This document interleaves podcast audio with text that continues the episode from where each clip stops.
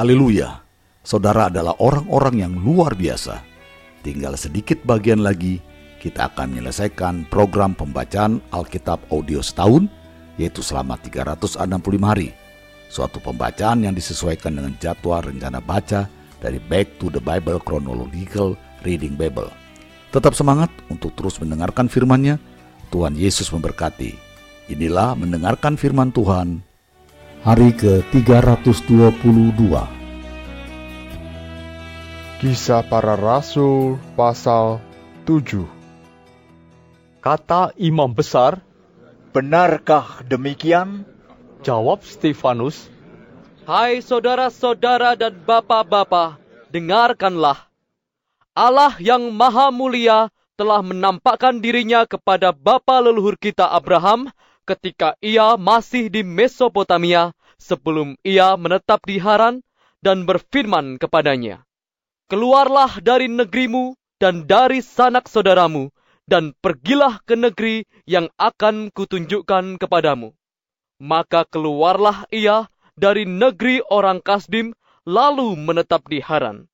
Dan setelah ayahnya meninggal, Allah menyuruh dia pindah dari situ ke tanah ini, tempat kamu diam sekarang. Dan di situ Allah tidak memberikan milik pusaka kepadanya, bahkan setapak tanah pun tidak.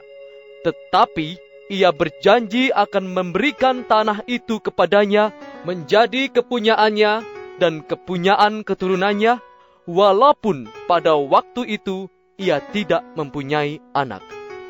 Beginilah firman Allah, yaitu bahwa keturunannya akan menjadi pendatang di negeri asing dan bahwa mereka akan diperbudak dan dianiaya 400 tahun lamanya. Tetapi bangsa yang akan memperbudak mereka itu akan kuhukum, firman Allah. Dan sesudah itu, mereka akan keluar dari situ dan beribadah kepadaku di tempat ini. Lalu Allah memberikan kepadanya perjanjian sunat. Dan demikianlah Abraham memperanakan Ishak lalu menyunatkannya pada hari yang kedelapan. Dan Ishak memperanakkan Yakub, dan Yakub memperanakkan kedua belas bapa leluhur kita.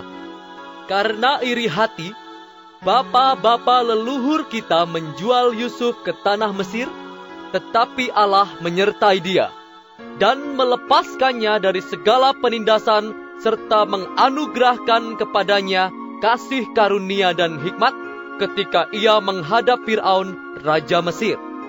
Firaun mengangkatnya menjadi kuasa atas tanah Mesir dan atas seluruh istananya. Maka datanglah bahaya kelaparan menimpa seluruh tanah Mesir dan tanah Kanaan serta penderitaan yang besar, sehingga nenek moyang kita tidak mendapat makanan. Tetapi ketika Yakub mendengar bahwa di tanah Mesir ada gandum, ia menyuruh nenek moyang kita ke sana. Itulah kunjungan mereka yang pertama.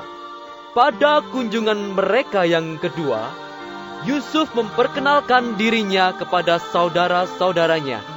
Lalu ketahuanlah asal-usul Yusuf kepada Firaun. Kemudian Yusuf menyuruh menjemput Yakub, ayahnya, dan semua sanak saudaranya, 75 jiwa banyaknya. Lalu pergilah Yakub ke tanah Mesir. Di situ ia meninggal, ia dan nenek moyang kita. Mayat mereka dipindahkan ke Sikem dan diletakkan di dalam kuburan yang telah dibeli Abraham dengan sejumlah uang perak dari anak-anak Hemor di Sikem. Tetapi makin dekat genapnya janji yang diberikan Allah kepada Abraham, makin bertambah banyaklah bangsa itu di Mesir, sampai bangkit seorang raja lain memerintah tanah Mesir, seorang yang tidak mengenal Yusuf. Raja itu mempergunakan tipu daya terhadap bangsa kita dan menganiaya nenek moyang kita serta menyuruh membuang bayi mereka supaya bangsa kita itu jangan berkembang. Pada waktu itulah Musa lahir, dan ia elok di mata Allah. Tiga bulan lamanya ia diasuh di rumah ayahnya. Lalu ia dibuang, tetapi putri Firaun memungutnya dan menyuruh mengasuhnya seperti anaknya sendiri. Dan Musa dididik dalam segala hikmat orang Mesir, dan ia berkuasa dalam perkataan dan perbuatannya.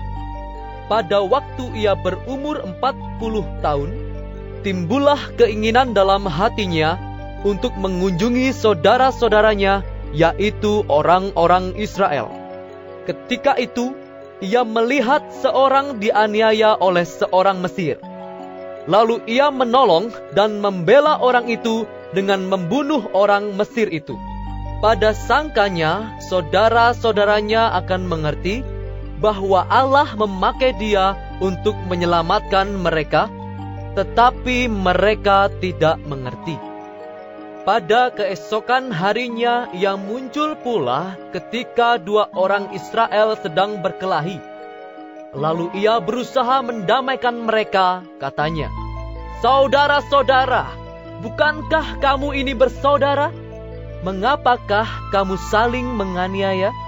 Tetapi orang yang berbuat salah kepada temannya itu menolak Musa dan berkata, Siapakah yang mengangkat engkau menjadi pemimpin dan hakim atas kami? Apakah engkau bermaksud membunuh aku? Sama seperti kemarin engkau membunuh orang Mesir itu? Mendengar perkataan itu, larilah Musa dan hidup sebagai pendatang di tanah Midian. Di situ ia memperanakkan dua orang anak laki-laki. Dan sesudah empat puluh tahun, tampaklah kepadanya seorang malaikat di padang gurun gunung Sinai, di dalam nyala api yang keluar dari semak duri. Musa heran tentang penglihatan itu, dan ketika ia pergi ke situ untuk melihatnya dari dekat, datanglah suara Tuhan kepadanya. Akulah Allah nenek moyangmu, Allah Abraham, Ishak, dan Yakub. Maka gemetarlah Musa, dan ia tidak berani lagi melihatnya. Lalu firman Allah kepadanya, Tanggalkanlah kasutmu dari kakimu, sebab tempat di mana engkau berdiri itu adalah tanah yang kudus.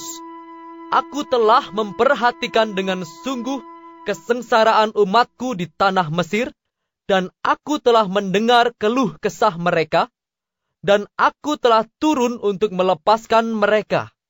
Karena itu marilah, engkau akan kuutus ke tanah Mesir.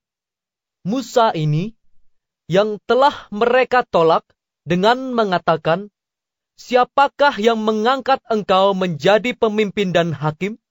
Musa ini juga telah diutus oleh Allah sebagai pemimpin dan penyelamat oleh malaikat yang telah menampakkan diri kepadanya di semak duri itu. Dialah yang membawa mereka keluar dengan mengadakan mujizat-mujizat dan tanda-tanda di tanah Mesir, di Laut Merah, dan di padang gurun empat puluh tahun lamanya. Musa ini pula lah yang berkata kepada orang Israel, Seorang nabi seperti aku ini akan dibangkitkan Allah bagimu dari antara saudara-saudaramu. Musa inilah yang menjadi pengantara dalam sidang jemaah di padang gurun di antara malaikat yang berfirman kepadanya di gunung Sinai dan nenek moyang kita. Dan dialah yang menerima firman-firman yang hidup untuk menyampaikannya kepada kamu. Tetapi nenek moyang kita tidak mau taat kepadanya, malahan mereka menolaknya. Dalam hati, mereka ingin kembali ke tanah Mesir. Kepada Harun mereka berkata, Buatlah untuk kami beberapa Allah yang akan berjalan di depan kami, Sebab Musa ini yang telah memimpin kami keluar dari tanah Mesir, kami tidak tahu apa yang telah terjadi dengan dia.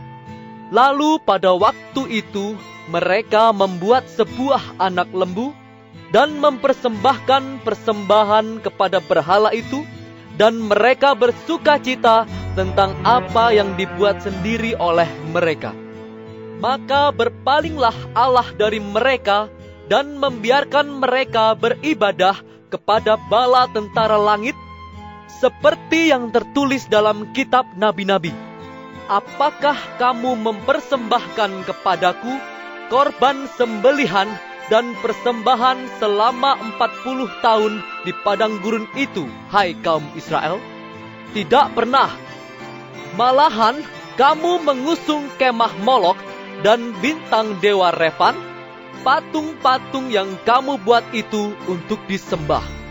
Maka aku akan membawa kamu ke dalam pembuangan sampai di seberang sana Babel. Kemah kesaksian ada pada nenek moyang kita di padang gurun, seperti yang diperintahkan Allah kepada Musa untuk membuatnya menurut contoh yang telah dilihatnya. Kemah itu yang diterima nenek moyang kita dan yang dengan pimpinan Yosua dibawa masuk ke tanah ini, yaitu waktu tanah ini direbut dari bangsa-bangsa lain yang dihalau Allah dari depan nenek moyang kita. Demikianlah sampai kepada zaman Daud. Daud telah mendapat kasih karunia di hadapan Allah dan ia memohon supaya ia diperkenankan untuk mendirikan suatu tempat kediaman bagi Allah Yakub. Tetapi Salomolah yang mendirikan sebuah rumah untuk Allah. Tetapi yang maha tinggi tidak diam di dalam apa yang dibuat oleh tangan manusia, seperti yang dikatakan oleh Nabi. Langit adalah tahtaku, dan bumi adalah tumpuan kakiku. Rumah apakah yang akan kamu dirikan bagiku? Demikian firman Tuhan. Tempat apakah yang akan menjadi perhentianku? Bukankah tanganku sendiri yang membuat semuanya ini? Hai orang-orang yang keras kepala dan yang tidak bersunat hati dan telinga, kamu selalu menentang Roh Kudus, sama seperti nenek moyangmu. Demikian juga kamu. Siapakah dari nabi-nabi yang tidak dianiaya oleh nenek moyangmu? Bahkan mereka membunuh orang-orang yang lebih dahulu memberitakan tentang kedatangan orang benar yang sekarang telah kamu khianati dan kamu bunuh. Kamu telah menerima hukum Taurat yang disampaikan oleh malaikat-malaikat, akan tetapi kamu tidak menurutinya. Ketika anggota-anggota Mahkamah Agama itu mendengar semuanya itu, sangat tertusuk hati mereka. Maka mereka menyambutnya dengan gertakan gigi. Tetapi Stefanus yang penuh dengan Roh Kudus menatap ke langit, lalu melihat kemuliaan Allah dan Yesus berdiri di sebelah kanan Allah. Lalu katanya, Sungguh, aku melihat langit terbuka, dan anak manusia berdiri di sebelah kanan Allah. Maka berteriak-teriaklah mereka, dan sambil menutup telinga, serentak menyerbu dia. Mereka menyeret dia keluar kota, lalu melemparinya dan saksi-saksi meletakkan jubah mereka di depan kaki seorang muda yang bernama Saulus. Sedang mereka melemparinya, Stefanus berdoa, katanya, Ya Tuhan Yesus, terimalah rohku. Sambil berlutut, ia berseru dengan suara nyari. Tuhan, janganlah tanggungkan dosa ini kepada mereka. Dan dengan perkataan itu, meninggallah ia. Kisah para Rasul pasal 8 Saulus juga setuju bahwa Stefanus mati dibunuh. Pada waktu itu, mulailah penganiayaan yang hebat terhadap jemaat di Yerusalem. Mereka semua kecuali rasul-rasul, tersebar ke seluruh daerah Yudea dan Samaria. Orang-orang saleh menguburkan mayat Stefanus serta meratapinya dengan sangat. Tetapi Saulus berusaha membinasakan jemaat itu dan ia memasuki rumah demi rumah dan menyeret laki-laki dan perempuan keluar dan menyerahkan mereka untuk dimasukkan ke dalam penjara. Mereka yang tersebar itu menjelajah seluruh negeri itu sambil memberitakan Injil. Dan Filipus pergi ke suatu kota di Samaria dan memberitakan Mesias kepada orang-orang di situ. Ketika orang banyak itu mendengar pemberitaan Filipus dan melihat tanda-tanda yang diadakannya, mereka semua dengan bulat hati menerima apa yang diberitakannya itu. Sebab dari banyak orang yang kerasukan roh jahat, keluarlah roh-roh itu sambil berseru dengan suara keras, dan banyak juga orang lumpuh dan orang timpang yang disembuhkan. Maka sangatlah besar sukacita dalam kota itu.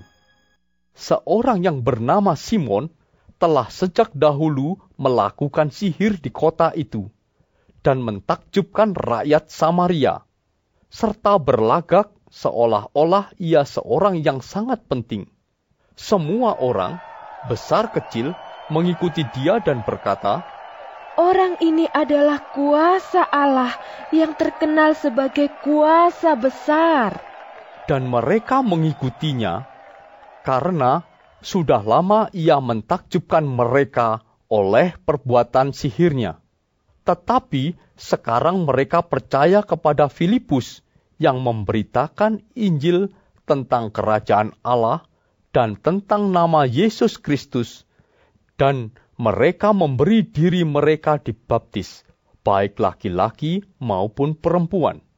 Simon sendiri juga menjadi percaya, dan sesudah dibaptis, ia senantiasa bersama-sama dengan Filipus, dan takjub ketika ia melihat tanda-tanda dan mujizat-mujizat besar yang terjadi. Ketika rasul-rasul di Yerusalem mendengar bahwa tanah Samaria telah menerima firman Allah, mereka mengutus Petrus dan Yohanes ke situ. Setibanya di situ, kedua rasul itu berdoa supaya orang-orang Samaria itu beroleh Roh Kudus. Sebab Roh Kudus belum turun di atas seorang pun di antara mereka, karena mereka hanya dibaptis dalam nama Tuhan Yesus. Kemudian keduanya menumpangkan tangan di atas mereka, lalu mereka menerima Roh Kudus. Ketika Simon melihat bahwa pemberian Roh Kudus terjadi oleh karena rasul-rasul itu menumpangkan tangannya, ia menawarkan uang kepada mereka serta berkata, "Berikanlah juga kepadaku kuasa itu, supaya jika aku menumpangkan tanganku di atas seseorang, ia boleh menerima Roh Kudus." Tetapi Petrus berkata kepadanya, Binasalah kiranya uangmu itu bersama dengan engkau, karena engkau menyangka bahwa engkau dapat membeli karunia Allah dengan uang. Tidak ada bagian atau hakmu dalam perkara ini, sebab hatimu tidak lurus di hadapan Allah. Jadi, bertobatlah dari kejahatanmu ini dan berdoalah kepada Tuhan supaya ia mengampuni niat hatimu ini. Sebab kulihat bahwa hatimu telah seperti empedu yang pahit dan terjerat dalam kejahatan. Jawab Simon, Hendaklah kamu berdoa untuk aku kepada Tuhan, supaya kepadaku jangan kiranya terjadi segala apa yang telah kamu katakan itu. Setelah keduanya bersaksi dan memberitakan firman Tuhan, kembalilah mereka ke Yerusalem, dan dalam perjalanannya itu mereka memberitakan Injil dalam banyak kampung di Samaria. Kemudian berkatalah seorang malaikat Tuhan kepada Filipus, katanya, Bangunlah dan berangkatlah ke sebelah selatan, menurut jalan yang turun dari Yerusalem ke Gaza. Jalan itu jalan yang sunyi. Lalu berangkatlah Filipus, adalah seorang Etiopia, seorang sida-sida, pembesar, dan kepala perbendaharaan Sri Kandake, Ratu Negeri Ethiopia, yang pergi ke Yerusalem untuk beribadah. Sekarang orang itu sedang dalam perjalanan pulang, dan duduk dalam keretanya sambil membaca kitab Nabi Yesaya. Lalu kata roh kepada Filipus, Pergilah ke situ dan dekatilah kereta itu. Filipus segera ke situ dan mendengar sida-sida itu sedang membaca kitab Nabi Yesaya. Kata Filipus, Mengertikah Tuan apa yang Tuan baca itu? Jawabnya, Bagaimanakah aku dapat mengerti kalau tidak ada yang membimbing aku? Lalu ia meminta Filipus naik dan duduk di sampingnya. Nas yang dibacanya itu berbunyi seperti berikut. Seperti seekor domba, ia dibawa ke pembantaian. Dan seperti anak domba yang keluh di depan orang yang menggunting bulutnya. Demikianlah, ia tidak membuka mulutnya. Dalam kehinaannya, berlangsunglah hukumannya. Siapakah yang akan menceritakan asal usulnya? Sebab nyawanya diambil dari bumi. Maka kata sida-sida itu kepada Filipus, Aku bertanya kepadamu, tentang siapakah Nabi berkata demikian? Tentang dirinya sendiri atau tentang orang lain?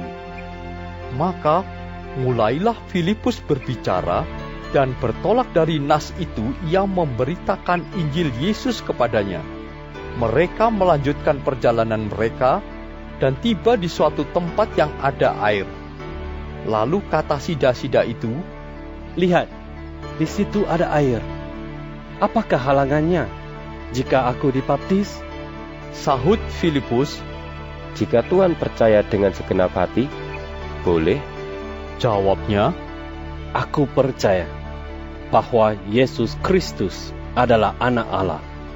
Lalu orang Ethiopia itu menyuruh menghentikan kereta itu. Dan keduanya turun ke dalam air, baik Filipus maupun sida-sida itu. Dan Filipus membaptis dia.